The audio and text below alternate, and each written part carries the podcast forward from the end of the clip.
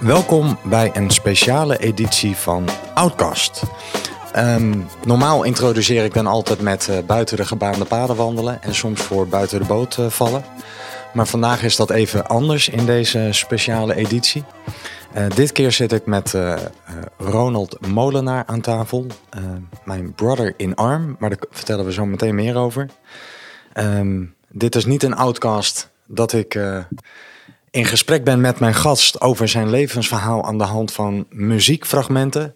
Deze speciale editie is een vuurdoop, een soort ja, geboorte van iets nieuws wat Ronald en ik eh, binnenkort mee op de bühne gaan, in het theater gaan. Ehm, ja, en dit is eigenlijk onze eerste try-out. Om samen, eigenlijk door ons eerste programma... wat we binnenkort ten tonele gaan, eh, gaan brengen... om dat samen door te lopen, samen door te sp- spreken. Van, ehm, ja, dus mensen krijgen eigenlijk een kijkje achter de schermen... Ja. van onze theaterproductie en ons makingsproces. Ook wel spannend om dat eh, zo, zo te zeggen, toch? Eh, het is dan misschien niet buiten de gebaande paden lopen, maar het is wel een soort van outcast in de zin van uit de kast Ja. met onze theaterambities. Ja, ja. Ja. Ik vind het best spannend. Ja, ik ook. dus, eh, en achter zo'n microfoon zitten met een podcast ben ik natuurlijk al wat meer gewend dan dat jij dat eh, bent gewend. Maar Ja. dit is wel dat we samen echt iets nieuws aan het maken zijn. Dus we zijn er al een tijdje mee bezig. Zeker. En eh, weet je, nou, deze podcast maken we ook eigenlijk enerzijds voor onszelf, maar anderzijds ook voor, eh, nou, eh, Kind staat centraal, het congres op 4 november Ja. waar jij en ik sprekers samen op het podium eh, zijn. Dus dit is ook een soort naslagwerk, luisterdocument Precies. voor de deelnemers die op die dag zijn geweest Ja. en denken van, hey goh, ik wil wel een beetje terugluisteren waar het zo over is gegaan. En Ja. dan, eh, nou, via deze weg kan dat. Absoluut. Dus hebben ze dan de, de, de afversie gekregen en dan mogen ze nog de, de, de, de niet-afversie Ja. terugluisteren. De generale repetitie. generale- ja, met veel precies. getwijfel en gestamel Ja, eh, is dit. En tegelijkertijd is dit ook een, nou, een, een, een soort inkijkje voor mensen die niet op die dag zijn geweest, maar die het wel leuk vinden om eh, nou, ons zo bezig te zien en te horen. En tegelijkertijd ook wel nieuwsgierig zijn geworden van, nou, hoe ziet die try-out van Ja. Ronald en Simon dan eruit? En waar gaat het dan over? ja. En wellicht dat wij er over een half jaar nog eens naar terug luisteren en eh, dat we er hard lachend kijken en zien hoe we ook weer aan het prutsen waren. Ja. Hey, en wat is het, eh, het, het centrale thema? Zometeen gaan we eigenlijk even stapsgewijs door het programma heen. Zeker. Maar wat is even zo het overkoepelende thema van onze missie en onze nou ja, eh, theatertournee? Ja, onze, ambitie? onze gemeenschappelijke eh, ambitie eigenlijk. Hè? Wat hebben wij eh, te doen in de wereld? Ja, we hadden het net over. Hè? We, wij zijn er voor de praxisman, zeiden we eigenlijk. Hè? Ja, en de praxisvrouw, hè? En dus de doe het zelf. ook. Laten we die zeker niet... De doe het zelfers, die altijd zeggen: ik los het zelf wel op, ik, ik stel geen hulpvragen, Exact. Ik heb geen hulp nodig, want ik ben onafhankelijk, ik ben sterk. Zelfstandig. eh, ik los het zelf wel op. eh, en eh, niet kwetsbaar. En, en daarmee Zichzelf tekort doen. vergeten we hulp te vragen. En Ja. doen we onszelf tekort. Eigenlijk heel erg, ja. En dat is eigenlijk onze missie, om dat een beetje te doorbreken. Ja. En daarom noemen we onszelf ook Brothers in Arms. Hè? Ja, we hebben samen een, een, ja, een soort strijd te voeren. Ja. Een strijd um, een beetje tussen aanhalingstekens. Maar ehm, ja, we hebben allemaal zo'n geschiedenis meegemaakt. We zijn allemaal kind geweest in een bepaalde situatie, in een bepaald gezin. Of we hebben bepaalde dingen in het leven meegemaakt. Maar in het licht van 4 november gaat het natuurlijk heel erg over eh, koppers en koffers. Ja. Dus eh, kinderen van ouders met een psychiatrische problematiek of kinderen van ouders met een eh, verslavingsprobleem. Ja. en ja, het is eigenlijk die dag staat in het teken van persoonlijke groei. En wij zijn uitgenodigd om daar eh, eh, nou, de groep in mee te nemen en hoe dat voor ons eruit heeft gezien. ja. En hoe je soms gevangen raakt in je eigen verhaal en wat je jezelf al een leven lang vertelt. Precies. Niet zozeer als, eh, als experts op het gebied, hè? maar Nee. wel als nou, ervaringsdeskundigen. Ja, ja. En met als missie om eigenlijk met zachte ogen te kijken naar je geschiedenis, Ja. naar jezelf. Jezelf niet te veel bekeuringen uit te delen Nee. over ehm, wat er allemaal mis is gegaan in je leven. Of waar je zelf voortdurend weer denkt, eh, oh, dat doe ik niet goed. Ja, precies. Nee, het is gegaan zoals het is gegaan. Het is En nu heb je wellicht de kans om anders te kiezen dan wel om te kijken van wat heb ik er allemaal van geleerd. Ja.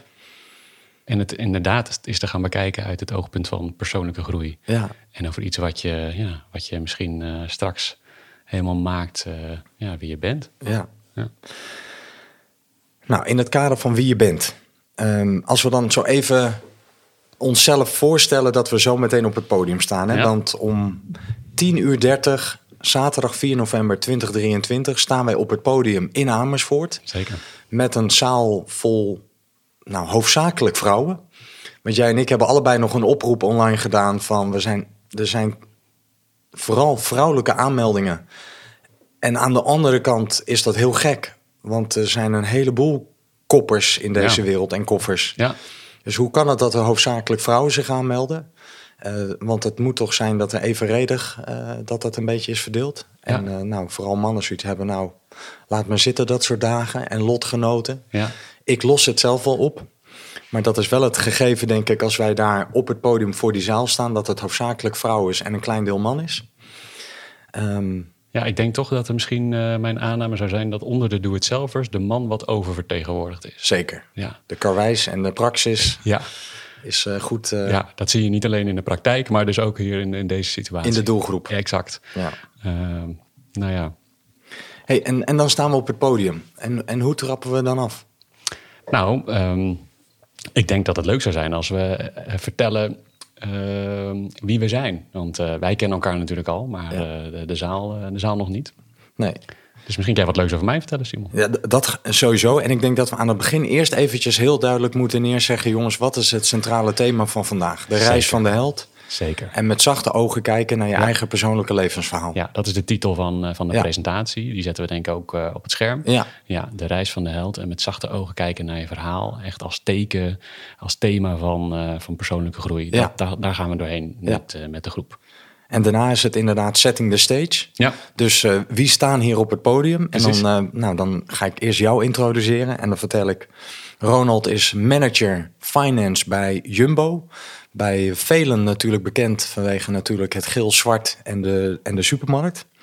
Eh, je bent getrouwd met Anneloes. Je bent vader van drie kinderen. Je woont in Oosterhout in de buurt van Breda. Je bent kind van Gerard en Wijmi. Je vader Gerard leeft niet meer. eh, en je vader is ooit gediagnosticeerd met een bipolaire gevoeligheid of Ja. kwetsbaarheid of stoornis. Ehm, je bent de oudste eh, van het gezin. Je hebt een jonge broertje, René, die ook is gediagnosticeerd met die bipolaire gevoeligheid. Eh, en je hebt, de middelste is, een, eh, is jouw zusje, Laura. En daar ben je slecht mee in contact. En dat heeft onder andere ook te maken met nou, het gezin waarin je samen met elkaar bent opgegroeid. En waarin het nog niet is gelukt om dat helemaal te helen met elkaar. nee, dat klopt. Dus dat in een notendop wie Ronald is. Ja, in de notendop. Het is heel wat, hè? Zo bij elkaar. Ja. Ja. Snel opgesomd, maar eh, het brengt me ook wel weer terug in eh, tijden. Ehm, en dan is het natuurlijk de bedoeling dat ik eh, jou ga voorstellen. Zeker. Ja, bij jou is je introductie van je, je professionele kant duurt iets langer, hè? Dus het is wat veelzijdiger. Nou ja, ik ben manager finance bij Jumbo. Simon, ja, organisatieadviseur, ondernemer, schrijver, eh, nou, podcastmaker. We zitten er middenin hè, in de outcast. Eh, maar ook herbergier. Eh, getrouwd met Willeke. Twee kinderen. Woonachtend in een prachtige herberg in, in, in Lexmond. Hè. Dus, waar we nu ook deze Waar we, podcast waar we opnemen. wel de podcast opnemen. Waar heel veel andere mooie sessies plaatsvinden. Dus je mag je ook met recht herbergier no- noemen. Niet alleen maar omdat je in een oude herberg woont. Maar omdat je er ook echt een herberg van nou maakt. Zo nu en dan. Ehm, kind van Thomas en Mieke. Waarbij eh, jouw moeder Mieke ook last had van een bipolaire gevoeligheid. Manisch depressief noemden we dat vroeger. Ja. ja. Tenminste bij mij thuis wel. bij mij ook. Ja. Ehm, jouw moeder is eh, ook overleden, eh, net als mijn vader. En eh, jouw vader is eh, sinds kort uit de kast, begreep ik. Ja, Ja, heeft een vriend. ja. Ook wel een, een, een bijzondere fase, kan ik me voorstellen. Zeker weten. Ja. Maar volgens mij kijk je daar met een hele mooie open blik naar. Leven en laten leven. Heel mooi, ja. En je hebt een broertje, Jan-Willem. Eh, daar ben je eh, recent ook weer eh, goed mee in contact. Naar soms wat lastiger te hebben gehad Nou, samen. Nou, dat, dat hoeft niet zo. Volgens mij hebben we altijd wel goed contact gehad. Ja. Alleen, ja, recent en ik, of recent hadden mijn broertje en ik wel een, een soort heart-to-heart gesprek. En ehm, ja, waarin ik toch het gevoel had dat er nog wat oud zeer zat in hoe hij het heeft beleefd om altijd broertje van mij te zijn. Ja.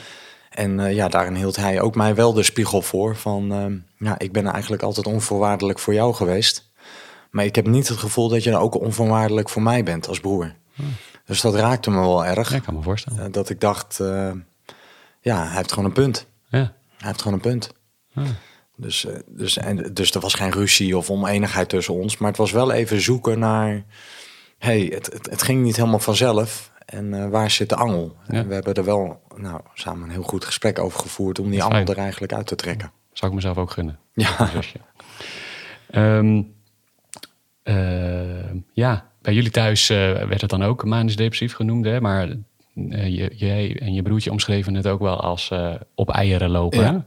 En bij jou thuis was het... eh, papa heeft in een hotel gezeten. Exact. Bij mij eh, thuis werd er heel eufemistisch over gesproken, bijna lollig. Weet je nog toen jij in dat hotel zat, eh, terwijl mijn vader was opgenomen op psychiatrische afdeling. En bij jou werd er eigenlijk niet over gesproken, maar was het wel Nou, waarschuwingen. hè? Ja, We, we waren elkaar, mijn vader, mijn broertje en ik, elkaar toch de hele tijd on- onbewust aan het waarschuwen. ja, Van ja, de, het kan elk moment ontploffen. Dus je kunt je maar beter een beetje gedijst houden. Ja. eh, en niet te veel eh, de woede van, eh, Nee. van mijn moeder op je hals halen. exact. Ja, opa en oma hebben een belangrijke rol gespeeld in je leven. Daar heb je belangrijk. een aantal jaar gewoond. Ja, Op momenten dat je moeder ook was opgenomen. ja, jij bent zelfs vernoemd naar je opa. Hè? Je heet Douwe Simon voluit. En jouw opa heet ook Douwe. ja, En jouw oma Neeltje. ja. En Neeltje kwam ook regelmatig even langs om polshoogte te nemen. Elke dag. Ja, Dus eh, soms had, had mijn moeder daar schoon genoeg van. Maar ja, dat was gewoon een gewoontepatroon. En Ja. ik begrijp nu nog beter waarom dat patroon er was. ja. Eigenlijk zijn het een soort van tweede ouders voor je, hè? Ja. Jouw opa en oma. Ja. Ja. Mijn oma is ook. Mijn moeder is eerst overleden in 2014 en mijn oma in 2018. ja. Dus die heeft nog wat langer mogen leven dan. eh, En je moeder. ja, mijn moeder was 58 en mijn oma 85, denk ik. Ja. Nou, ik weet het niet precies. Volgens mij was mijn oma 85. Ja, mooi. En ehm, wat het ook bijzonder maakt, is dat jij hier staat, is dat jij eh, eind januari 2022 eh, zelf bent geconfronteerd met een bipolaire gevoeligheid. Ja, dat klopt. Ja, Dus dat ben ik nu eh, aan het beleven, doorleven. En vorig jaar was echt een, een jaar van uiterste. Ja. Dus een manische episode gevolgd door een hele lange zware depressie. ja, Ja, waarin het leven ook echt uitzichtloos werd. ja, En dit jaar is een jaar van herstel, wederopstanding, opnieuw vertrouwen krijgen in het leven, in mijn relaties met mensen om me heen. En vooral ook in de relatie met mezelf. Ja. Want ja, het is nogal wat ja, om met zo'n stempel eh, op je voorhoofd door het leven te moeten gaan. ja, En daar gewoon ja, te leren hoe, hoe, ja, hoe vind ik een goede balans. Dus het is soms zo lekker om die energie te voelen en die creativiteit te voelen. ja, Maar hoe zorg ik ervoor dat dat niet doorschiet? Ehm, want ik weet wat de prijs is. En die prijs wil ik niet nog een keer betalen. En, en tegelijkertijd wil je je ook weer mens voelen. In plaats van dat iedereen naar je kijkt. Oh, Simon is weer overactief of eh, erg creatief. Eh, en dat iedereen weer naar me gaat kijken als een soort patiënt. Ehm, dus ja, dit jaar is ook wel echt een, Ja. een zoekend, lerend jaar. Ook, ook met familie en vrienden. Van, ja, mag ik ook mens zijn? En af en toe een beetje uit mijn bol gaan, omdat ik ergens gewoon heel blij over ben. In Ja. plaats van dat jullie allemaal de behoefte voelen om een emmer koud water in mijn gezicht te smijten. ja, Om me te ontnuchteren. ja, Soms heb je gewoon zin om een feestje te vieren, mag dat. Tegelijkertijd zijn de wonden nog vers. ja, Dus ik begrijp ook goed dat dat ook voor mensen gewoon zoek is van... ehm, en waakzaam zijn en tegelijkertijd ook gewoon leven. Nou, ik vind, ik vind het heel mooi om van dichtbij te hebben kunnen zien welk proces je bent eh, doorgemaakt. Hè? Of eigenlijk nou, ja, dichtbij, maar ook relatieve afstand. Maar ik heb wel gezien natuurlijk wat er gebeurd is. En eh, ik kan me ook voorstellen dat het heel erg confronterend is af en toe om te kijken... Hey, ben ik nu gewoon Simon vrolijk of ben ik vrolijk op een andere manier? En moet ik mezelf in acht nemen? Dat Ja. dat best af en toe een, eh, confronterend is om dat bij jezelf af te moeten vragen. Ja, klopt het? Ben ik dit Klopt echt? het? Ja, ja, dat lijkt me best heftig. Of is dit Simon de profeet Exact. Die weer zijn evangelie over de mensen gaat uitstorten. Ja, en we zijn hier natuurlijk. eh, eh, volgende week staan we te spreken op eh, de, de dag van de naaste. Hè? Dus Ja. ook jouw naasten hebben dit meegemaakt. Hè? Dus naast eh, dat wij voor een zaal gaan zijn met kinderen van, zijn jouw eigen kinderen ook. eh, Kopper. eh, kopper, hè? Ja. Inmiddels. En eh je eigen vrouw is, is, is partner van. Hè? En die, Ja. die gaan natuurlijk ook door zo'nzelfde proces. Hè? Die gunnen Ja. jou natuurlijk de wereld. Ja. Maar denk af en toe wel van, oeh, Gaat het wel goed? misschien is het niet letterlijk op eieren lopen. Hè? Dat zeker niet. Maar wel een, toch een beetje waakzaam. Maar ik denk, je bent allemaal patiënt geworden. Dus we leven in een samenleving, en dat is denk ik ook de urgentie die bij ons erin zit, waarin er heel veel verantwoordelijkheid bij het individu wordt neergelegd. Jij bent verantwoordelijk voor je eigen succes, je bent verantwoordelijk voor je eigen falen. Je bent eh, zus of zo. Dus de, de stempels vliegen elkaar om de oren. De ene is een narcist, de andere is weer dat. Ja. En, en dat heb ik zelf ook gemerkt in het zorgsysteem. Er wordt zoveel alleen naar mij gekeken als patiënt. En dat ik medicatie nodig heb of bepaalde maatregelen nodig heb om, om mezelf in balans te houden. Terwijl ik denk, mijn omgeving heeft ook soms medicatie nodig. En is ook patiënt geworden. Maar hebben dat niet door, omdat ik al het licht gaat naar mij. En ons hele zorgsysteem is ook zo ingericht. Dus ik, daarvoor vind ik het ook belangrijk dat je ziet van... Laatst had ik een mooie podcast met iemand en die zei... je bent een antenne in een sociaal systeem. Dus ja, je, je bent ook in bepaalde systemen actief... die iets doen met jouw gevoeligheid, met je gevoelens, met je gedachten... Ja. met je overtuigingen. Ja. En daar is betrekkelijk weinig aandacht voor. Het gaat vooral altijd over jij, jou als individu. En zo weinig over het sociale systeem, die ook ziek is geworden. Ja, En die ook gekwetst is geraakt. En Ja. ook patiënt is. ja, absoluut. In plaats van alleen maar Simon de patiënt. Exact. En ehm, nou, daar willen we ook wel een beetje aandacht voor vragen. Ja. In, eh, in, eh, in, eh, in wat we gaan doen. Nou, en, en ook, ook denk ik de oproep in ons verhaal. Weet je, ik denk de missie is. Onderzoek je eigen levensverhaal. En het verhaal wat je wellicht ook een beetje gevangen houdt. En waardoor soms misschien ook wel de moed in je schoenen is gaan zakken. Ja. Je je somber bent gaan voelen. Of dat je denkt, ja, ehm, het, het leven is me overkomen. En de reis van de held gaat natuurlijk eigenlijk op onderzoek gaan naar dat wat je gevangen houdt. Ja. En wellicht kun je wel een ander verhaal gaan vertellen over je leven. En een Ja. ander verhaal gaan creëren. Ja. Want dat is wel eh, ja, een soort missie die we hebben. En daar met zachte ogen op terugkijken. En ook met zachte ogen vooruitkijken. Ja, wij gaan die thema's daar nog even iets meer toelichten. Hè? Ehm, ik denk dat de mensen in de zaal wel inmiddels wel begrijpen dat wij eh, een goede band hebben met elkaar. Hè? Maar zouden Ja. ze ook weten waar dat vandaan komt? Nou, dit is een retorische vraag. dus kop, kop er maar Zal even ik hem in. eens inkopen? Nee, wij, ehm, wij hebben elkaar natuurlijk in, in het begin van onze carrière leren kennen. Eh, toen wij allebei startten als eh, jonge eager eh, consultants bij, bij bij Deloitte. Deloitte. Ehm, vormende tijd, hè? je eerste baan. veel, veel jonge mensen met veel energie die veel willen leren met elkaar. Dus alle eh, hoop mensen die wij in die tijd hebben leren kennen, kennen wij nog steeds. Hè? Omdat we er toch een goede band mee op, op eh, hebben gebouwd. Ja. Wij zijn elkaar in de, in de loop der jaren wel een beetje verloren. Ik ben een andere kant op gegaan, jij ook. Maar we zijn altijd half en half wel wat in contact geweest. Hè? Ja. Jij werd ehm, organisatieadviseur en ging ook lezingen organiseren. En ik mocht eh, ooit een keertje, nodig jij mij uit om eh, eh, een kleedkamersessie bij te wonen van Toon Gerbrands in het Ja. PSV-stadion. Ja. Dat Was was leuk. leuk. Ja, heel leuk en heel leerzaam. Eh, met een groep eh, andere leiders van bedrijven nadenken over... eh, en met name onderwezen worden door Toon, want dat kon Ja. hij goed. Over hoe dat dan werkt en wat zijn ervaringen daarbij waren. Dus dat was heel inspirerend. Dat was eigenlijk weer een beetje een soort her- herleving van onze band. Want volgens Ja. mij hebben we toen Klopt. best wel lang geen... eh, na Deloitte en tussen die kleedkamersessie heeft Ja. best wel volgens mij een jaar of zeven of acht gezeten dat we elkaar niet hebben gezien. Nee, Dus dat was weer een soort eerste Ja. wake-up call dat klopt. van onze band. En toen hebben we elkaar, ja, op- dan blijf je elkaar een beetje volgen op LinkedIn, et cetera. En heb je af en toe half en half nog wel wat contact. Ja. Totdat ehm, ik eh, natuurlijk, eh, dat is ergens, dat is vorig jaar geweest, hè? Ja. Eh, een, eh, Maart, april. maart, april, ja, een, eh, een LinkedIn-bericht posten eh, om aandacht te vragen voor, eh, nou, mannen die zijn opgegroeid in, eh, eh, in gezinnen met psychiatrische problematiek. En daarbij postte ik een foto van mij en mijn vader. En vertelde eigenlijk mijn persoonlijke verhaal. En, uh, en deed een oproepje aan andere mannen om zich ook te melden. Om te kijken of we wat kunnen betekenen voor mannen.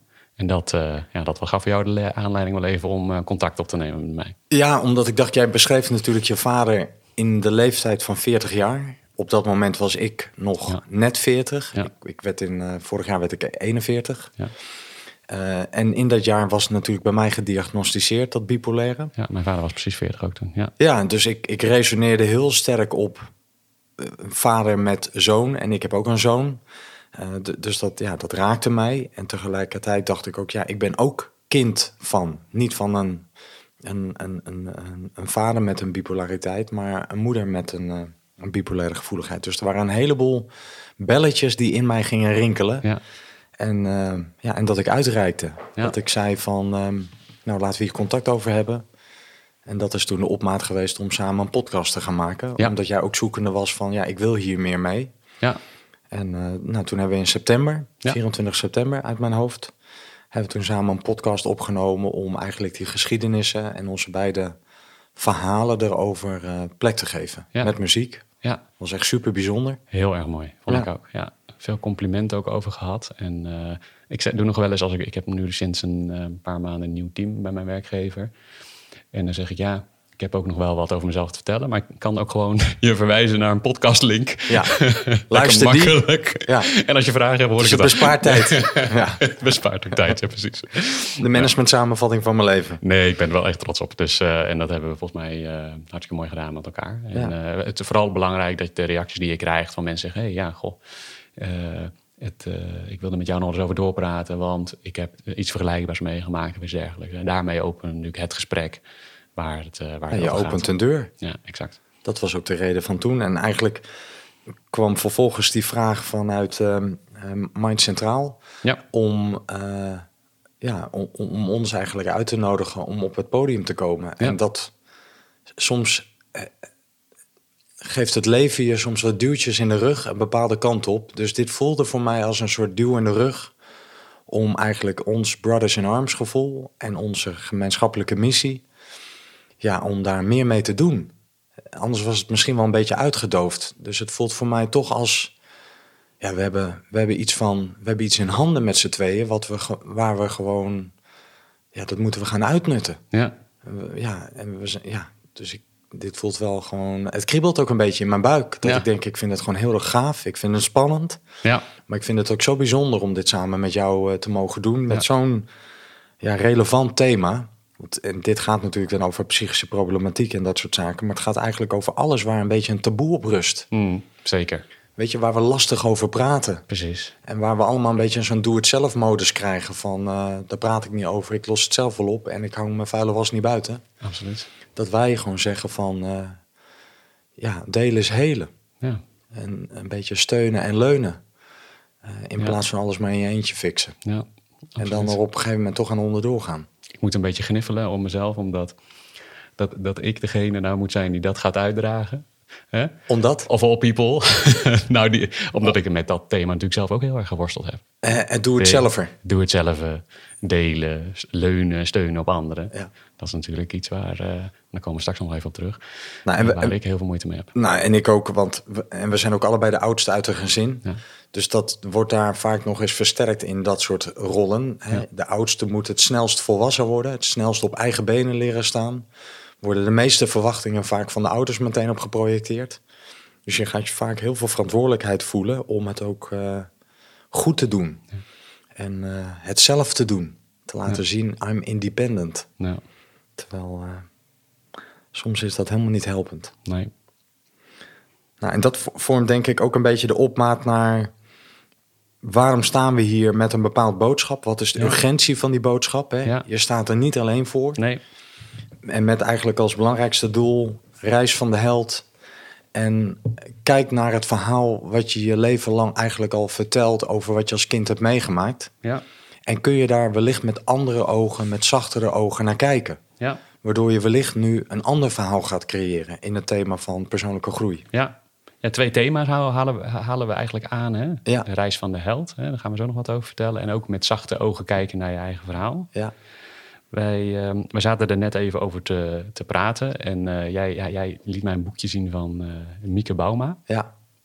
Die jij met veel warmte aan mij hebt aanbevolen. Ik heb hem nog niet gelezen, dat ga ik dan komen. Ja, en mijn moeder heette ook Mieke. Oh ja, dat is ook mooi. Dus dat, ja. als ik zo'n naam al lees, dan staat iemand al 3-0 bij mij voor. Exact. Dus dat heeft wel meegeholpen om haar boeken snel tot mij te nemen. Ja, er staan een paar mooie quotes in hè, om, het, om ons onderwerp in, over te introduceren. Hè. Dus als we het hebben over zachte ogen... Um, uh, een, een, quote uit de Truman Show. Um, heb je ooit, of heb jij nooit het gevoel gehad dat je, of heb je, nou, dat, uh, dit, dit, is, uh, dit is mag allemaal, even, try-out. try-out dan. Ja, Ja, try-out, mag precies. allemaal. We, we Nog gaan een opnieuw. Ja. Uit de Truman Show dus. Yes. Heb je nooit het gevoel dat je leven ergens naartoe groeit? Vraagteken. En uh, dat vonden we wel mooi. En hij wordt ook nog verdiept, hè, deze vraag, eh, door een uitleg in het boekje met van wie, wie ben je? Wij voegen daar dan nog naartoe, waar kom je vandaan? Hè? Wat, is je, wat is jouw verhaal? En waar ben je naartoe op weg? Ja. En wij vonden dat eigenlijk ook wel troostrijk, omdat we ook wel zien dat um, nou, mensen, en misschien wij zelf ook wel bij tijd en wijle, zeker in het verleden en nog steeds wel eens af en toe, gevangen zitten in een eigen verhaal. Hè? Ja. Ik ben een kop, kan daar zomaar eens een, een, een, een uiting van zijn Ja. natuurlijk. Um, en we vonden dit troostrijk omdat het ook kan zijn van... Hey, als je nou eens in een teken zet... alles wat je hebt meegemaakt, waar je vandaan komt, wie je bent... in teken van nou, een, een weg die je aan het bewandelen bent... Een, een groeipad wat je aan het doen bent... en wat naartoe iets leidt. Ja. En dat alles uiteindelijk ergens samenkomt... Of met een reden op je pad is en met gekomen. de reden op je pad is gekomen. Ja. Ja. En um, wat we als handreiking proberen te doen... en we gaan dat natuurlijk heel persoonlijk maken uh, volgende week... is uh, kijk eens nou met een, een wat vriendelijkere en zachtere blik naar je eigen verhaal. Ja. En, uh, en, en wat voor mooie lessen zich allemaal in je leven op je pad zijn gekomen. Exact. Uh, waardoor je dat script, wat je misschien in je hoofd uh, een beetje vast hebt gezet, kan veranderen. Ja, breaking out of your script. Exact. Dat is dan uh, letterlijk de vertaling daarvan. Ja. ja. dus dat is, dat is het eerste deel eigenlijk. Ja, en het, het tweede deel, ik, zit, ik ga meteen even zoeken. Want Mieke Bauma be, bezit zich natuurlijk ook op een aantal bronnen. Eén daarvan is, het, ja, is Joseph Campbell, ja. The Hero with a Thousand Faces. Hij schreef zijn prachtige boek in 1948, wordt ook wel de Bijbel van Hollywood genoemd, waarin hij eigenlijk beschreef over een soort monomythe. Dus welk, welk verhaal je ook ter wereld leest, hè, als het nou gaat over Jezus, Boeddha, Klein Duimpje, uh, Frodo, Harry Potter, Pipi Langkous, noem het maar op. Allemaal, uh, in al die verhalen zit een soort oerstructuur, een soort vaste stappen die uh, de hoofdpersoon of de held eigenlijk doormaakt. En dat ja. is vaak, weet je, de oproep tot avontuur. Uh, en vaak de oproep die een paar keer wordt genegeerd. Het zoeken naar een mentor, een drempel overgaan. Hè, de Rode Zee door. Ja. En vervolgens beland je in de woestijn, in de onderwereld, in de hel. Uh, daar word je beproefd. Nou, vervolgens moet je de draak verslaan of de zwaard uit de steen trekken. Nou, en als dat eenmaal is gelukt en je hebt de schat gevonden, dan moet je, ga je weer naar huis. Ja. En dan word je vaak ook weer een beetje beproefd. En op een gegeven moment kom je thuis, de verloren zoon die thuis komt. En ja, eigenlijk met een nieuw paar ogen of met een soort nieuw inzicht. Uh, je bent nog steeds dezelfde, maar ergens ben je ook ergens wezenlijk veranderd door uh, de reis die je hebt doorgemaakt. Dus die oerstructuur ja. heeft Joseph Campbell prachtig opgeschreven. En Mieke heeft dat in haar boeken ook gewoon weer heel ja, gewoon praktisch en inspirerend Ja. verwoord. Net als heel veel. Uh, de reis van de held is, wordt denk ik in een heleboel coach- en leiderschapsopleidingen gebruikt. Nou, dat vond ik wel belangrijk om even te noemen. Weet je wat een belangrijke basis ook is in ons verhaal en wat we mensen willen meegeven? En Joseph Campbell zegt eigenlijk: een held is iemand die in staat is gebleken zijn eigen persoonlijke, door plaats en historie bepaalde bepe- beperkingen te overwinnen. Weet je, dus we hebben allemaal iets meegemaakt in onze geschiedenis. Ja. Um, uh, ja, en in, op, op, de plek en de plaats waar we zijn opgegroeid. Maar uh, ja, weet je, je bent er geen slachtoffer van. Dus je kunt een ander verhaal vertellen. Je kunt, uh, je kunt het aankijken en denken, nou, zo is het gegaan. Ja. En daar heb ik toen een bepaald antwoord op geformuleerd als kind. Ja. Een bepaalde blauwdruk of een bepaald antwoord. En nu, uh, en nu in mijn leven kies ik anders. Als ik weer in situaties terechtkom die me wellicht herinneren aan vroeger, kies ik nu anders. Precies. Dus, dus wat, we, wat we eigenlijk gaan doen is uh, mensen meenemen om wat vriendelijker te kijken naar hun eigen verhaal. Ehm, en, ehm, en ook eens te kijken van wel, welk, wel- ja, wel- welke held schuilt er eigenlijk misschien wel stiekem in mezelf. Nou, en, en dus welke held schuilt er in ons allemaal? Ja. Dus dat zijn niet alleen maar krijgszuchtige, avontuurlijke Nee. mannen in films of eh, inspirerende dames eh, die het avontuur eh, aangaan. Of leiders van landen of politieke bewegingen. Die held schuilt in ons allemaal. Ehm, en- wat ik zelf vond, het gaat eigenlijk over kiezen. Hè, en ik vertelde ook toen wij toen straks voorbespraken over dat verhaal van die twee wolven. Dat had ik laatst Mm. uit een film gezien. En dat was een, een Ja. vraag die een dochter aan haar vader stelde. Van papa, er zijn twee wolven. Ehm, en de ene wolf is hoopvol, is eh, goed gemutst, is blijmoedig. En de andere wolf is cynisch, is donker, is negatief. En ze stelde de vraag aan haar vader, welke wolf wint? En die vader bleef stil en die zei, ik weet het niet. En zij zei, de wolf die je voedt. De wolf die je voedt. Ja. Dus kies. Kies. Wees bewust welke wolf je aan het voeden bent. En Ja. die wolf, die twee wolven schuilen in ons allemaal. Dat denk ik ook. Die gaan een leven lang met ons mee. Maar waar kies je voor? Ja. En eigenlijk, daar willen we mensen wat bewuster van maken. Eigenlijk op die zaterdag of in onze theatershow. Eigenlijk een soort bezinningspunt geven. Waar kies je voor? Ja. Je kunt een ander verhaal creëren. Ja. Je kunt een ander verhaal creëren. En je hoeft dat niet alleen te doen. Nee. Je hoeft dat niet alleen te doen. En wat ik ook wel heel mooi vind in dat verhaal van die held, aanvullend dan nog misschien, is ehm, dat die held ook weer thuis mag komen, zeg maar. Hè? Dus dat het je ook weer weer doet vanuit een soort van eh, zekere basis of zo. Hè? We hebben het ook wel eens gehad over secure base, zeg maar. Dat, dat, dat is misschien ook wel eens iets wat we als koppers misschien af en toe een beetje gemist hebben. Hè? En, eh, Een veilige basis. hè? veilige basis. En eh, een held kan natuurlijk eh, een, een vertrekken vanuit die veilige basis, op pad gaan, zijn strijd leveren en weer terugkeren.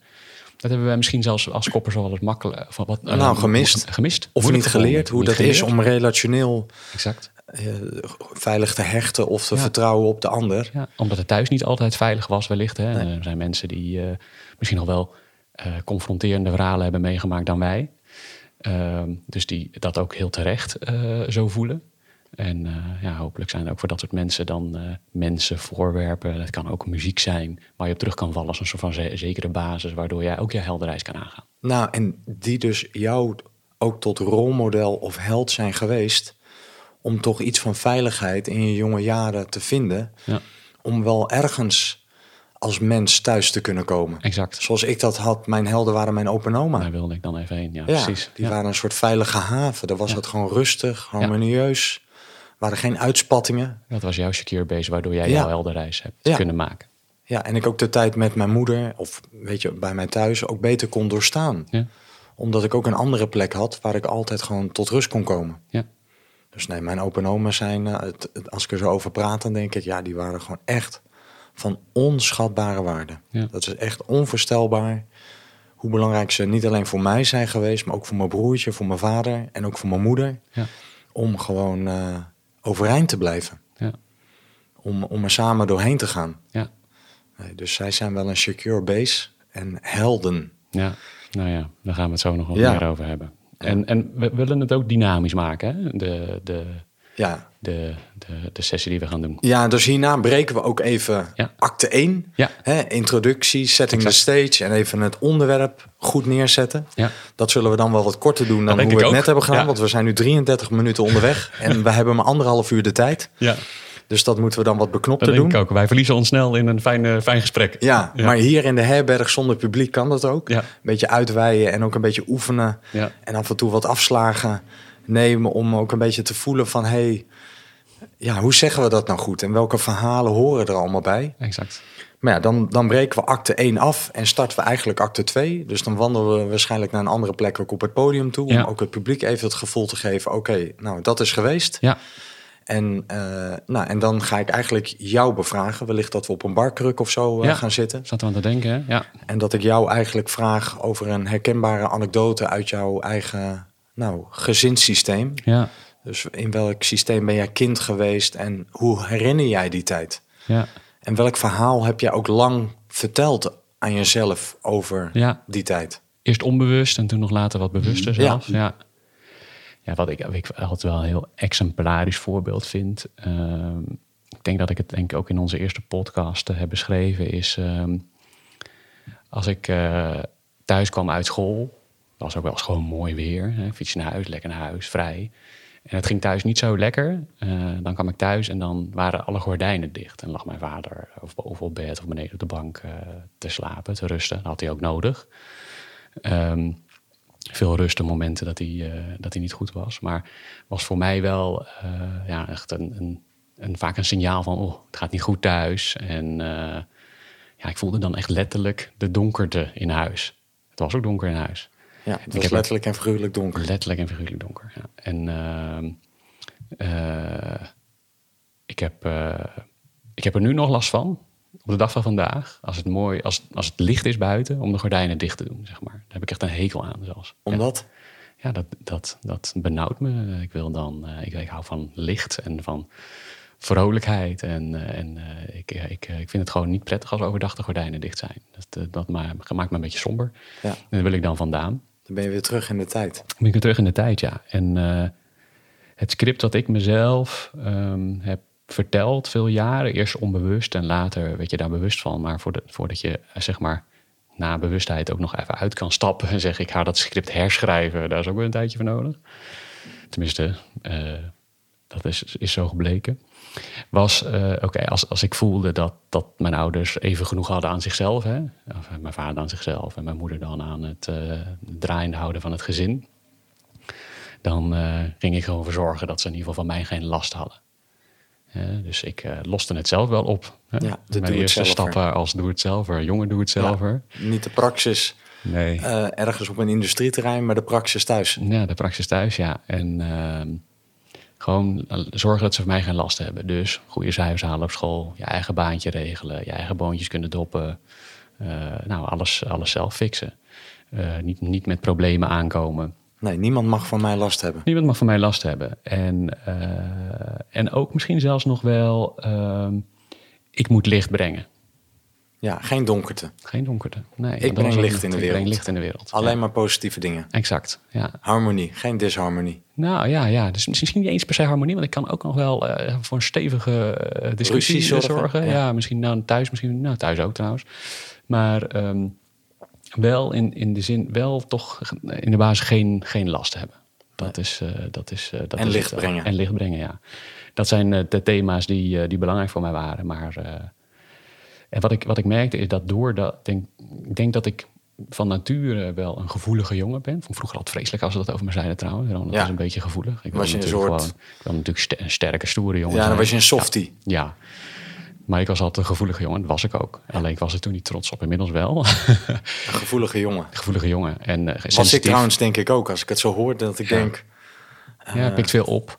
Ja, Ik heb dat nog steeds. Hè. Dus ik, als ik thuis kwam, voelde ik of de sfeer goed was of niet. Eh, en ik merk het nu op het werk ook als er een meeting is geweest. En het is, eh, er is een flinke discussie geweest en ik kom die zaal binnen. Dat voel ik meteen. Ehm dus een kwaliteit. eh, en tegelijkertijd... ehm, eh, in het patroon of het script wat ik voor mezelf heb geschreven... van eh, ik moet licht brengen, mensen geen last van me hebben... en dan ook nog sensitief zijn... dat je dan precies gaat aanvoelen... wat verwacht men hier van mij? Welke woorden kan ik gebruiken om hier de juiste snaar te raken? Wat is er nodig om, eh, om hier eh, nou, met, een, eh, met, met blije mensen om me heen de zaal Ja. weer uit te lopen? en sociaal geaccepteerd te worden. en sociaal geaccepteerd te worden, et cetera, et cetera. Dat wist ik op een gegeven moment nou, heel goed. Alleen de flipside van die coin is natuurlijk dat er weinig ruimte was. Laten we zeggen, helemaal niks. Voor wat ik dan eigenlijk vond en belangrijk vond. En dat is, ja, dat is het nadeel daarvan. En daardoor ging ik over eigen grenzen heen. Hè. Als men dan van mij vroeg of die presentatie nog even af kon... of ik dat nog even kon doen, dan was het ja, ja, veel pleasen. Eh, en dat ging dan ten koste van, ook al zei ik van plan te gaan sporten, nou dat zeg ik dan wel weer af. Of ik was eigenlijk van plan dit te gaan doen, nou dat zeg ik dan wel weer af. Dus veel hard gewerkt. Ja, En, en eh, jezelf weggecijferd. weggecijferd, ja. Gordijnen dicht doen. Ja, en dat werkt technisch, maar ook, ook als, als, als gewoon als vriend van mijn vrienden, eh, als partner van, eh, eh, heb, ik dat, ja, heb ik dat veel gedaan. Ja. Ja, je, je leert denk ik althans dat hoor ik zo in jouw verhaal, je stemt veel af op de ander. Ja. En vergeet eigenlijk af te stemmen met jezelf. En wanneer jij je gordijnen dicht doet en wanneer je je gordijnen open doet. Ja. En stiekem ben ik daar ook nog wel erg op zoek geweest naar erkenning of zo, stiekem. Dus eh, het complimentje wat daar dan uit voortkwam, hè? Van goed bezig. goed bezig, dat, als, dat, als dat kwam, dat is nog veel belangrijker voor mij dan een geldelijke beloning of iets dergelijks. Dan werd je, ge- dan werd je gepleased in je Oh, pleaserigheid. jongen, nou, dan, dan ging ik als een malle Ja. voor die persoon. Als die, Nog die- meer. als die op die knop is te drukken, Ja, dan... nog meer pleasen. Ja, Nog meer betekenen en licht brengen voor, voor die persoon. overigens nog steeds. Ik voel dat nog steeds, dat ik dat heel fijn vind om te krijgen. Eh, ik besef me wel steeds meer dat eh, ik niet per se eh, gebaat ben eh, door het steeds nastreven van die externe prikkel, zeg maar. Ja. Ik vind het wel heel fijn, maar het zou niet eh, mijn volledige levensgeluk moeten bepalen. Ik denk ook een beetje aan de term de lichtbrenger. Ja, Dus dat zit dan sterk in jou. Ik ben de brenger van licht. ja. Terwijl ja, die andere kant schuilt er ook in jou. En mag je daarop ook gezien worden? Ja, nou ja, dat, die, dat sta ik mezelf steeds meer toe. Dat je maar- dat niet afkeurt in jezelf. Ja, en, eh, en dat ik dus eh, ja, een, een- een hulpvraag stellen is ook een soort van. Dat voelt voor mij ook als een soort van donker te brengen. Hè? Want ik breng een probleem op tafel of ik zadel iemand op met mijn problemen. En er is al heel veel tegen mij gezegd dat mensen dat niet zo ervaren. Ehm, maar eh, ja, dat voelt dan zo. En dat, gaat, dat gaat steeds beter, hè? maar daar bewust mee bezig zijn. En, inderdaad niet per se altijd de brenger zijn van, van licht. Maar dat het wat afgewogener mag zijn. Dat, ja, dat, is, dat is de, ja, het, het verhaal eh, wat ik doorheen ben gelopen. En ik zet alvast even een fragment in uit de film A Beautiful Mind. Ja. Want die wil je ook graag gebruiken ter Ja. introductie. Ook als we daarna een oefening geven. Absoluut. Dus de luisteraar hoort deze al een beetje. Ja, ja het, is- het- wij hadden het in het voorbereiding natuurlijk over het thema helden. Hè? Of mensen, iemand die eh, misschien een, een zekere basis voor je zijn geweest. Of die jou eh, op een bepaalde manier, eh daar naar bewonderd naar hebt gekeken. En ik vond Beautiful Mind natuurlijk altijd een prachtige film. Ook omdat het gaat natuurlijk over psychische kwetsbaarheid. Eh, maar zeker het moment aan het einde van die film. Waar die man na een lange reis van, eh, nou, enerzijds succes, want prachtige theorieën ontwikkeld, maar anderzijds ook heel veel pijn en worsteling vanwege ehm, zijn eh, psychische ziekte, uiteindelijk ehm, eh, de ultieme erkenning krijgt van, eh, Zijn collega's. van zijn collega's. Eh, want dat werd in het begin van de film gezegd, ehm, op het moment dat iemand dan in die lerarenkamer, of wat is het dan, die, die Ja, en ik heb hem al een beetje op de achtergrond Ja. aanstaan hoor. Dus ik Ja. weet niet of dit storend is. Maar ik denk, ik vind het leuk. Ik vind het ook leuk. Ehm, Anders gaan we er even naar luisteren. En dan kom je er zo meteen even laten we op dat terug. doen. Ik probeer het helemaal uit te leggen, maar laten we dat doen.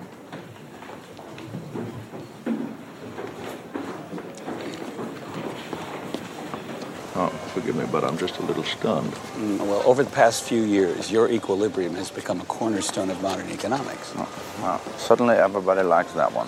Yeah. What, what, what, what about my, my work on other some such projects on the manifold embedding? The All of application of your bargaining problem to FCC bandwidth auctions or to antitrust cases. Antitrust cases. Yes. Antitru- I never would have, I never would have considered that. Well. Have I, have I just reached some level of honesty that borders on stupidity? If I told you? No, no, you haven't. Because I, I, didn't, I wouldn't have thought of that.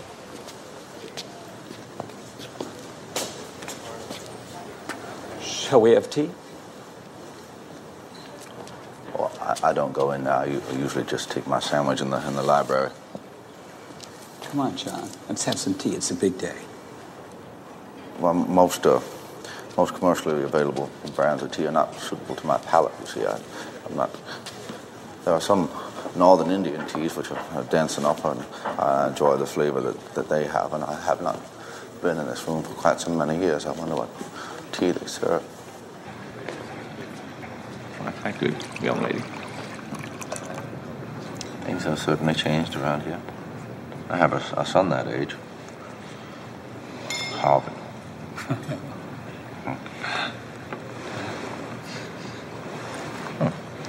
I would have thought the uh, nominations for the Nobel Prize would have been secret. I would have thought you'd only find out if you won or lost. That is generally the case, yes, but these are special circumstances. Um, the awards are substantial. They require private funding. As such, the image of the Nobel is. Oh, I see. So you came here to find out if I was crazy. Find out if I would screw everything up if I actually won. Dance around the podium, strip naked and squawk like a chicken, things of this nature. Something like that, yes. Would I embarrass you? Yes, it is possible. You see, I. I am crazy. I take the newer medications. But I still see things that are not here. I just choose not to acknowledge them. Like a diet of the mind, I choose not to indulge certain appetites. Like my appetite for patterns. Perhaps my appetite to imagine and to dream. Professor Nash.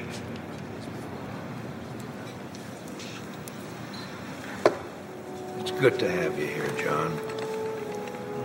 Thank.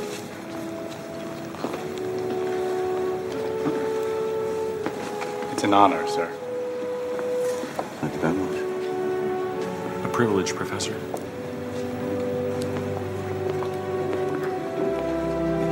Professor.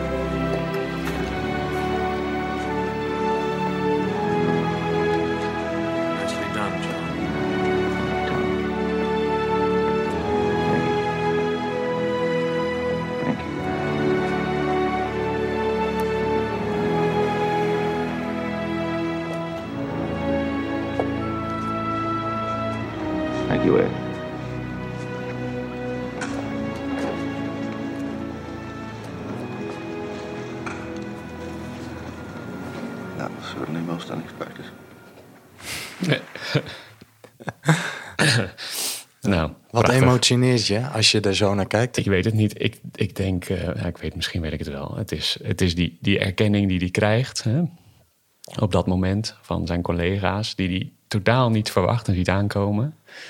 Je ziet die verrassing op zijn gezicht. En eh, helemaal in het begin van die film wordt ook zeg maar, het, het afgeven van je pen als een soort van hoogste blijk van waardering eh, gegeven Ja. voor, voor, voor zo'n persoon. En die krijgt hij nu ook van zijn collega's om hem heen. En eh, ik vind het prachtig om te zien. En, en wat raakt jou er dan zo in? Wat, wat, hoe resoneert het met jouw eigen verhaal? Want het raakt ook iets in jou. Ja, Dus welke waardering of erkenning krijg jij waar je wellicht zo naar, naar ook altijd hebt verlangd en misschien te weinig hebt gekregen? ja. ja ik, denk ergens dat dat het is. Hè? Dat, dat, dat, dat, ik, dat dat me raakt. Dat, dat die man die erkenning krijgt. En ik daar misschien ook eh, stiekem heel hard naar op zoek ben. Naar, Pennen die voor jou neer worden gelegd. exact. En waar staan die pennen dan voor? Ja. Wat wordt er dan voor jou neergelegd? Een hele moeilijke te beantwoorden vraag eigenlijk. Dus ik, ik, ik weet dat nog niet zo precies. Ik ben er wel naar op zoek. Hè.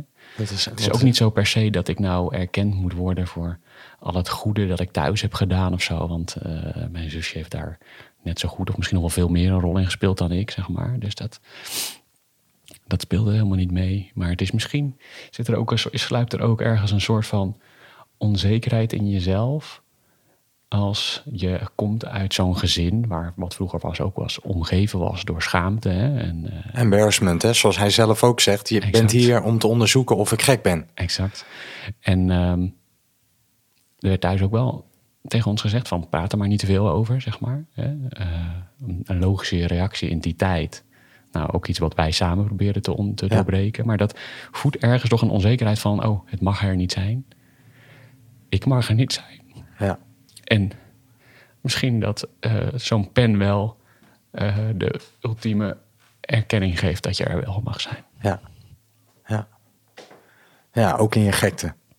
In alles. Ja, in alles. In heel je mens zijn Ja. eh, mag je er zijn. Ik, eh, ik, ik zit er ook na- naar te kijken. En dat ik dacht, misschien is het wel je vader. Ja, Weet je, die ook een leven lang heeft geworsteld. Ja. Eh, en misschien, want ik- zo kijk ik ernaar. Weet je, ik kijk er ook naar als naar mijn moeder of mijn vader. En dat ik denk, Ja. wat zijn zij toch eigenlijk weinig gezien en erkend Ja. op hun bijzonderheid, op hun mens zijn. Super mooie brug die je maakt. Want eh, het, het grappige is, die man zit er ook een beetje bij, zoals mijn vader erbij kon zitten soms. Dat je, ik, ik weet nog dat vlak voordat mijn vader overleed, toen was, zat hij ook al in een iets mindere fase, kwam ik hem ophalen op een station in Amsterdam. En toen stond hij daar ook met zo'n lange regenjas en een beetje sombertjes te wachten. En ik zag het al, een beetje, ja, een, beetje gebroken. En in, de- in, in deze film ziet hij er ook zo uit, die, deze man. Hè? Ja, zo'n murm geslagen door het leven. gebroken, ja.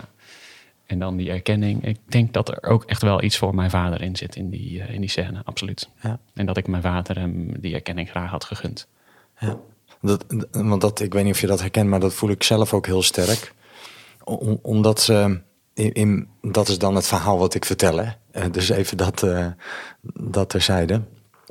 Maar omdat ze soms zo weinig zijn erkend op hun mooie mens zijn en op hun talenten en hun kwaliteiten, die ook horen bij deze gevoeligheid. Het is niet alleen maar eh, slecht en negatief. Zo'n stoornis klinkt alsof je gestoord bent, maar een bipolaire gevoeligheid, ik noem het ook wel eens gekscherend met dank aan een vriend van mij, eh, Marcel, die zei van Simon, je bent niet bipolair, maar je bent bipopulair Ja, ja, precies. om ook de zonnige kant eh, te laten zien. Maar omdat mijn, mijn moeder zo weinig erkenning heeft gekregen voor haar bijzonderheid, voel ik zo sterk een drive in mij om haar te eren. Ja, Om, en, en soms misschien wel ben ik wel te veel op zoek naar erkenning hoor. Dat zegt mijn vrouw ook altijd tegen mij. Van ja, hey, je, je bent wel, hè, omdat je je miskend hebt gevoeld als, als kind, ik zijnde. En mijn moeder heeft zich ook, denk ik, vaak miskend gevoeld. Ja, roept dat zo'n compensatiegedrag in mij op, dat Ja. ik denk, ik zal er wel voor zorgen dat de pennen voor mij worden neergelegd. En dat is dan ook een heel hard dankjewel aan mijn moeder. ja, Weet je, om een beetje goed te maken wat het, waar het haar aan heeft ontbroken in het leven. ja. Dat zal, ik zal eh, in haar voetsporen, eh, met haar als held en als rolmodel. En dat geldt misschien ook wel voor jou en je vader. Dat je denkt van, ehm, ik, ja, met dank aan mijn vader ga ik, het, ja. ga, ga ik op zoek naar iets. Precies. Dus ehm, ja, we hebben het ook over herschrijven hè, van, eh, van scripten of met zachte ogen kijken. hè. Dus ehm, het is mooi als, eh, als mijn verhaal niet is... ik ben Ronald en mijn vader was manisch depressief. Hè, Ja. En daardoor vraag ik geen hulp. Ja. Ehm, maar naar gaat naar van...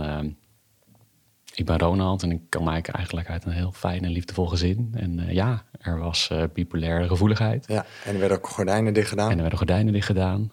Eh, en er was ook veel liefde en vrolijkheid. En, en, en door alles wat ik heb meegemaakt, ben ik nu een gevoelige man. Ja, ik ben een gevoelige man. Die, die er mag zijn Ja, in alles wat hij meemaakt. Ja. In licht en in donkerte. ja. En, en zie me daarop. Er, Ja. er- erken me daarop. Ja, ik zou misschien die roeper nog ook wel af willen hebben op termijn. Ik snap, ik, ik, ik roep hem nog hoor. Ja. Maar het zou mooi zijn als dat ook, eh, Wat zachter wordt. ja, Alles wat je aandacht geeft, wordt rustig. precies. Heb ik eh, ooit Ja. geleerd. Ja. Nou, we zijn inmiddels 53 minuten onderweg. Ja. Dus in ons programma hopelijk wat, eh, zijn we dan een half uur ongeveer onderweg. En dan stellen we eigenlijk de vraag aan het publiek... Ja. Om eens in gesprek te gaan met een buurman, buurvrouw...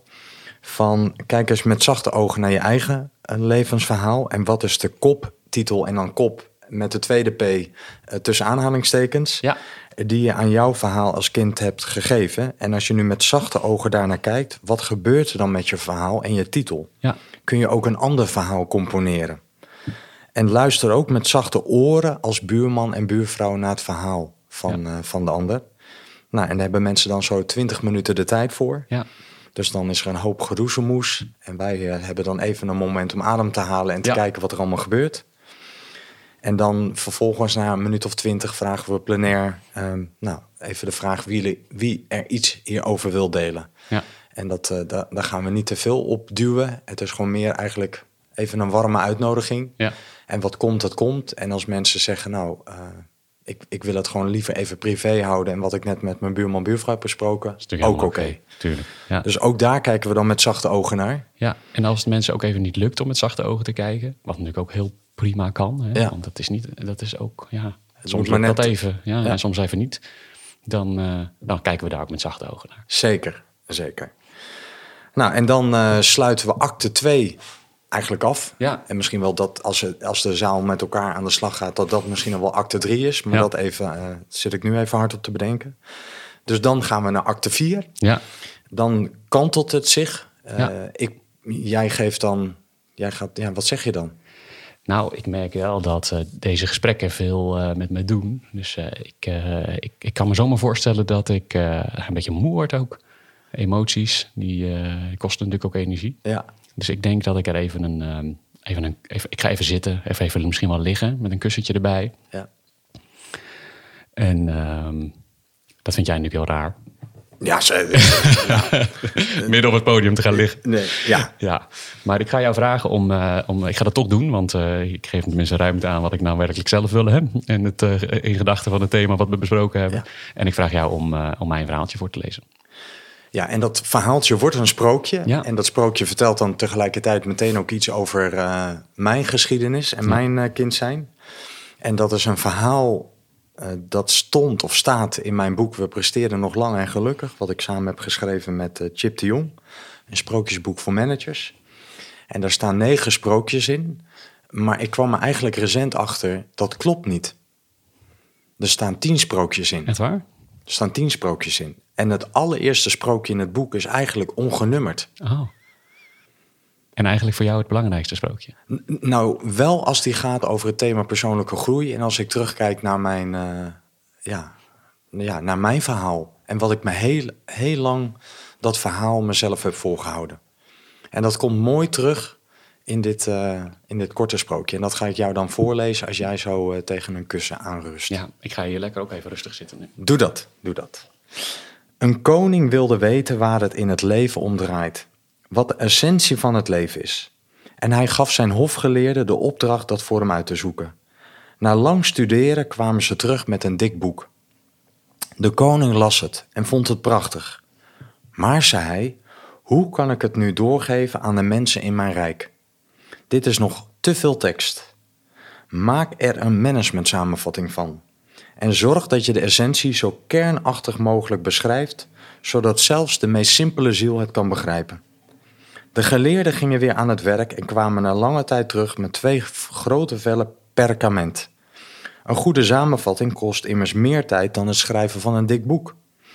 De koning las de twee vellen perkament en hij was blij met het resultaat. Maar hij was nog steeds niet tevreden. Ik moet iets hebben dat mensen kunnen onthouden. En als ik het laat voorlezen op de marktpleinen in mijn rijk, iets pakkend, iets wat niemand meer vergeet. En toen gaf hij de geleerde de laatste opdracht. Vat alles samen in een zin van tien woorden van elk twee letters. En zorg ervoor dat de eerste en de tweede helft op elkaar rijmen. Dan kunnen mijn mensen het pas onthouden. Na lang zwoegen kwamen ze terug met deze tien woorden. If it is to be, it is up to me.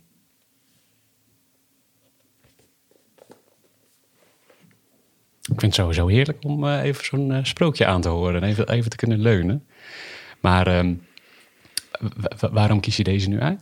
Nou, omdat ik heb dat denk ik als oudste kind en in zo'n gezin waarin je voortdurend het gevoel hebt op eieren te lopen, heb ik mezelf enorm aangeleerd en dat verhaal verteld. If it's to be, it's up to me.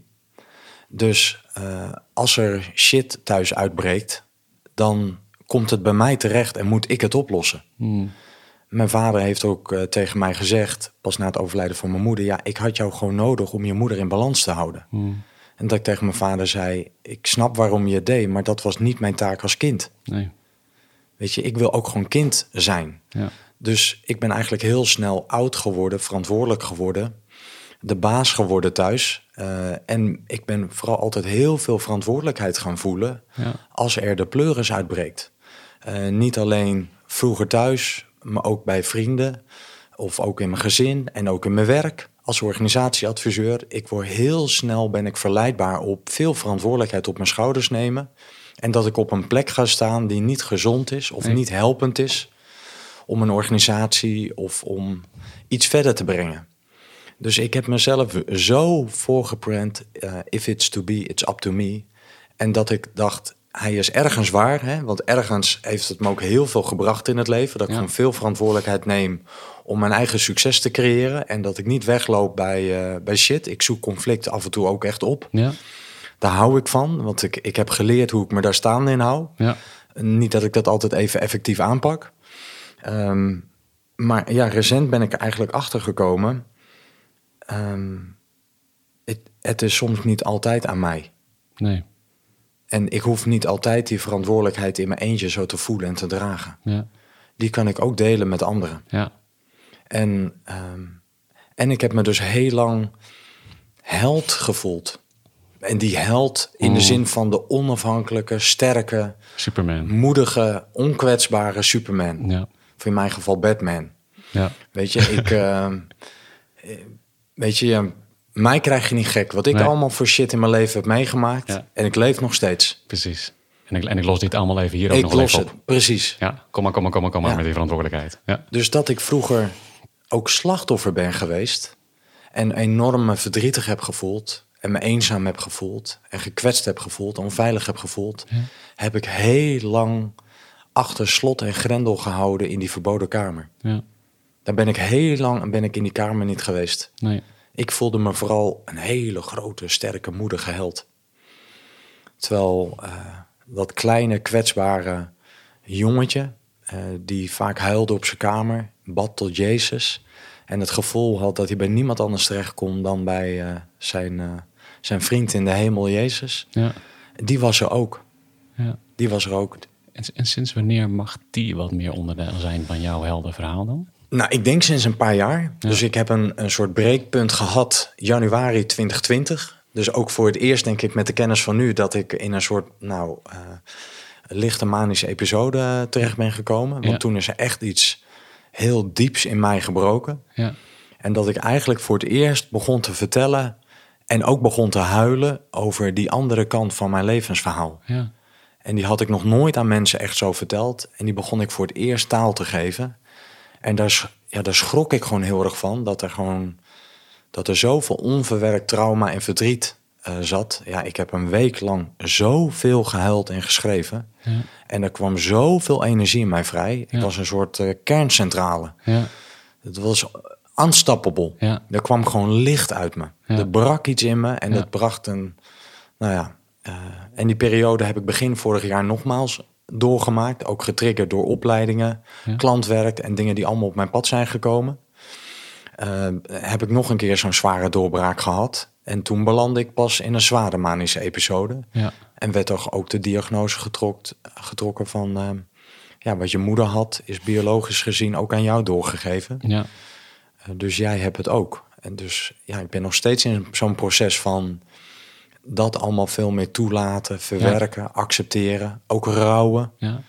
om wat ik heb gemist, maar ook wat ik eh, allemaal heb gekregen. We hebben het er al wel eens eerder over gehad, hè, dat ehm, als je er op een bepaalde manier kan kijken, in zekere zin die manische periode dan ook wel ertoe heeft geleid dat ehm, jouw verhaal completer mag zijn. Absoluut. Hè, Er dus is- misschien een soort- zegen is eigenlijk. Ja, nou, het- Ja. vooral als je in zo'n. Want een manie is heel erg beschadigend voor je omgeving. Ja, Hè, want er is heel veel energie die zich naar buiten toeslaat. En een depressie is energie die zich eigenlijk naar binnen eh, eh, inslaat. Een soort krater in jezelf. ja, Ehm, maar nu kan ik er natuurlijk wel met enige dankbaarheid op terugkijken. Dat ik denk, ehm, ik had die wake-up call en dat wakker schudden had ik, had ik blijkbaar nodig. Want er was iets nog onvoldoende in mezelf aangekeken in mijn geschiedenis. Eh, en het was ook een soort laatste eh, puzzelstukje. Dat je denkt, ja, die gevoelige jongen heb ik ook vaak in mijn leven gehoord. ja, En ik heb geen moment, geen seconde ooit in mijn leven gedacht dat wat mijn moeder had, dat ik dat ook had. Nee. Geen seconde. nee, Terwijl nu denk ik, Dat is toch bijzonder dat Ook ik daar gek. nog nooit over na Nee, heb want gedacht. ik heb daar wel vaker over nagedacht. Ik nog nooit. mezelf. Bizar eigenlijk, ja. En ik, en ik zei altijd tegen mensen, nou, als ik manisch ben, ben ik vooral manisch positief. Ja, precies. Omdat ik me helemaal niet herkende Ja. in die term manisch depressief. ja, Ik dacht, ik ben helemaal niet depressief. Ja. Dus die depressie, voor mij voelde dat ook als een soort compensatie voor Ja. het feit dat ik mezelf altijd zo positief heb gehouden in het leven. ja, En die negativiteit die ook in me zit, zo heb weggestopt. ja. hey, en voordat we hier nu de mensen gaan zitten aanbevelen om eens een eh, manische depressie door te maken, want dat gaan we zeker niet doen, hè? Nee.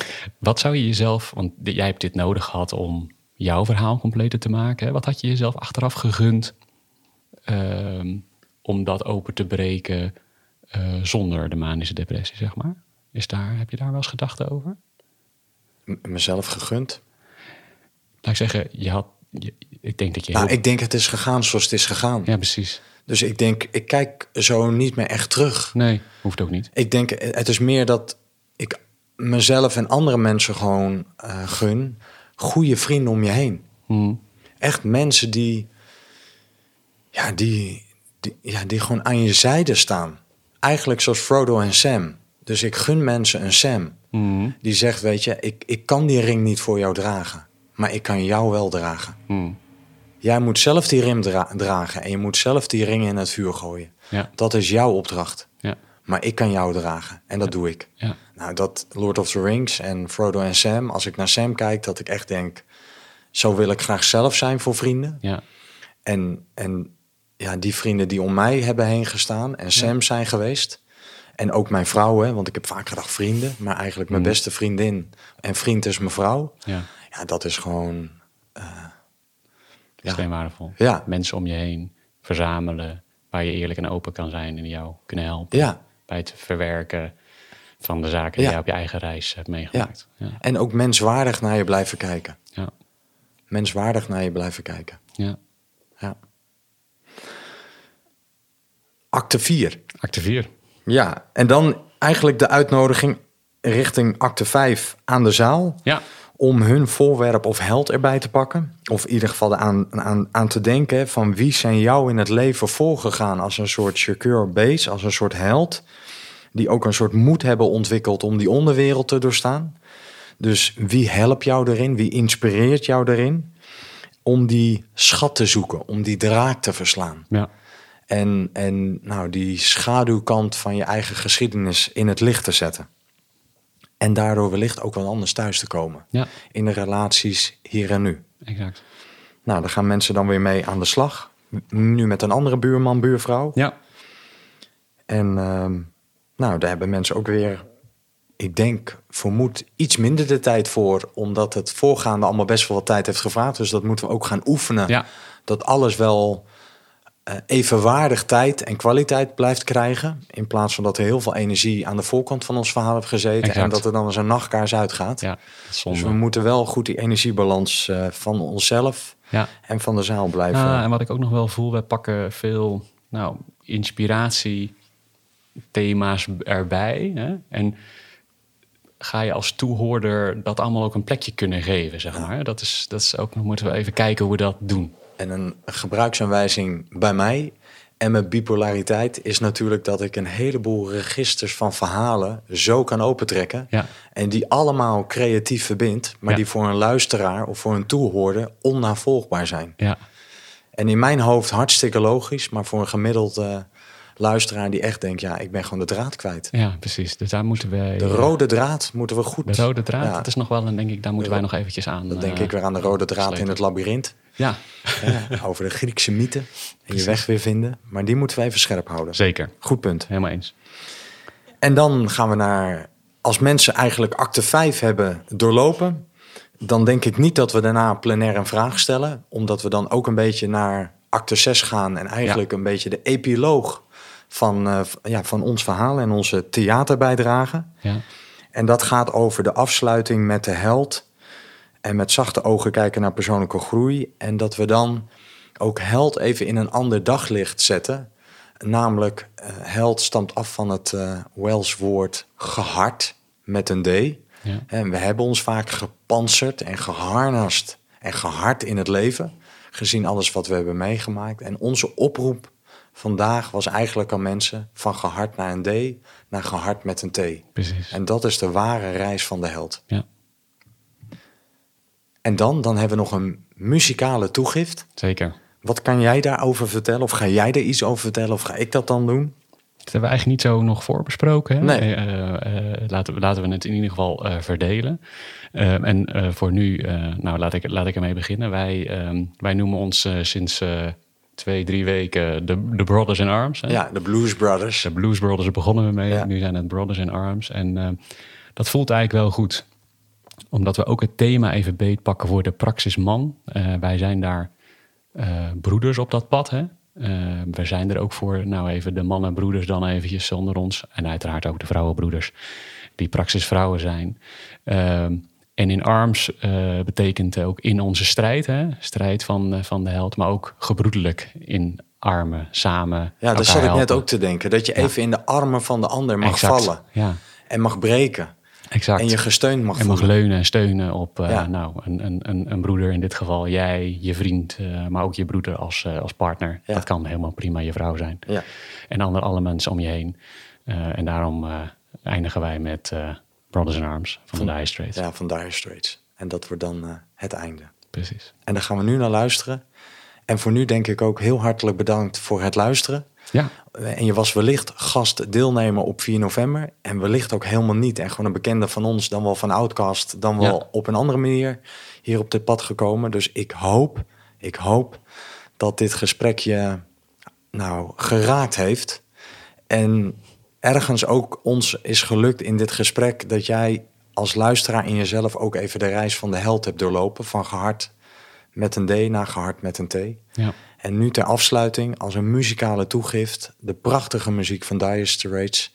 En eh, onze missie en onze roeping in het leven, Brothers in Arms. Daar gaan we nu naar luisteren. En nogmaals bedankt voor eh, het aanwezig zijn bij deze try-out.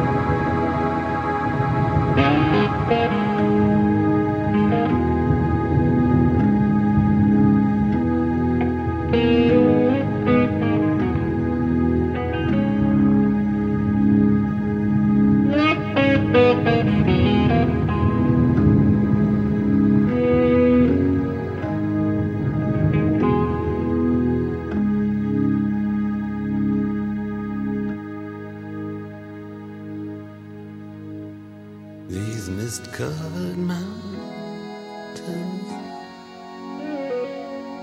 are home now for me. But my home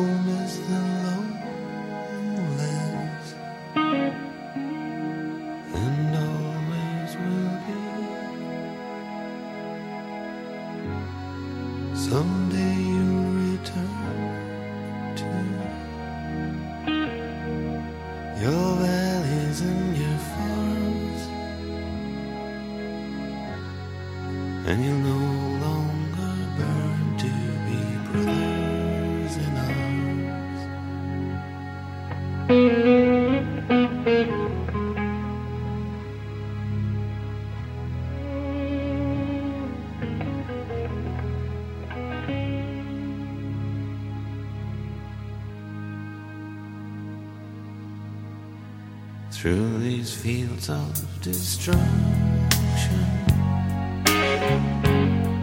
baptisms of fire. I've witnessed your suffering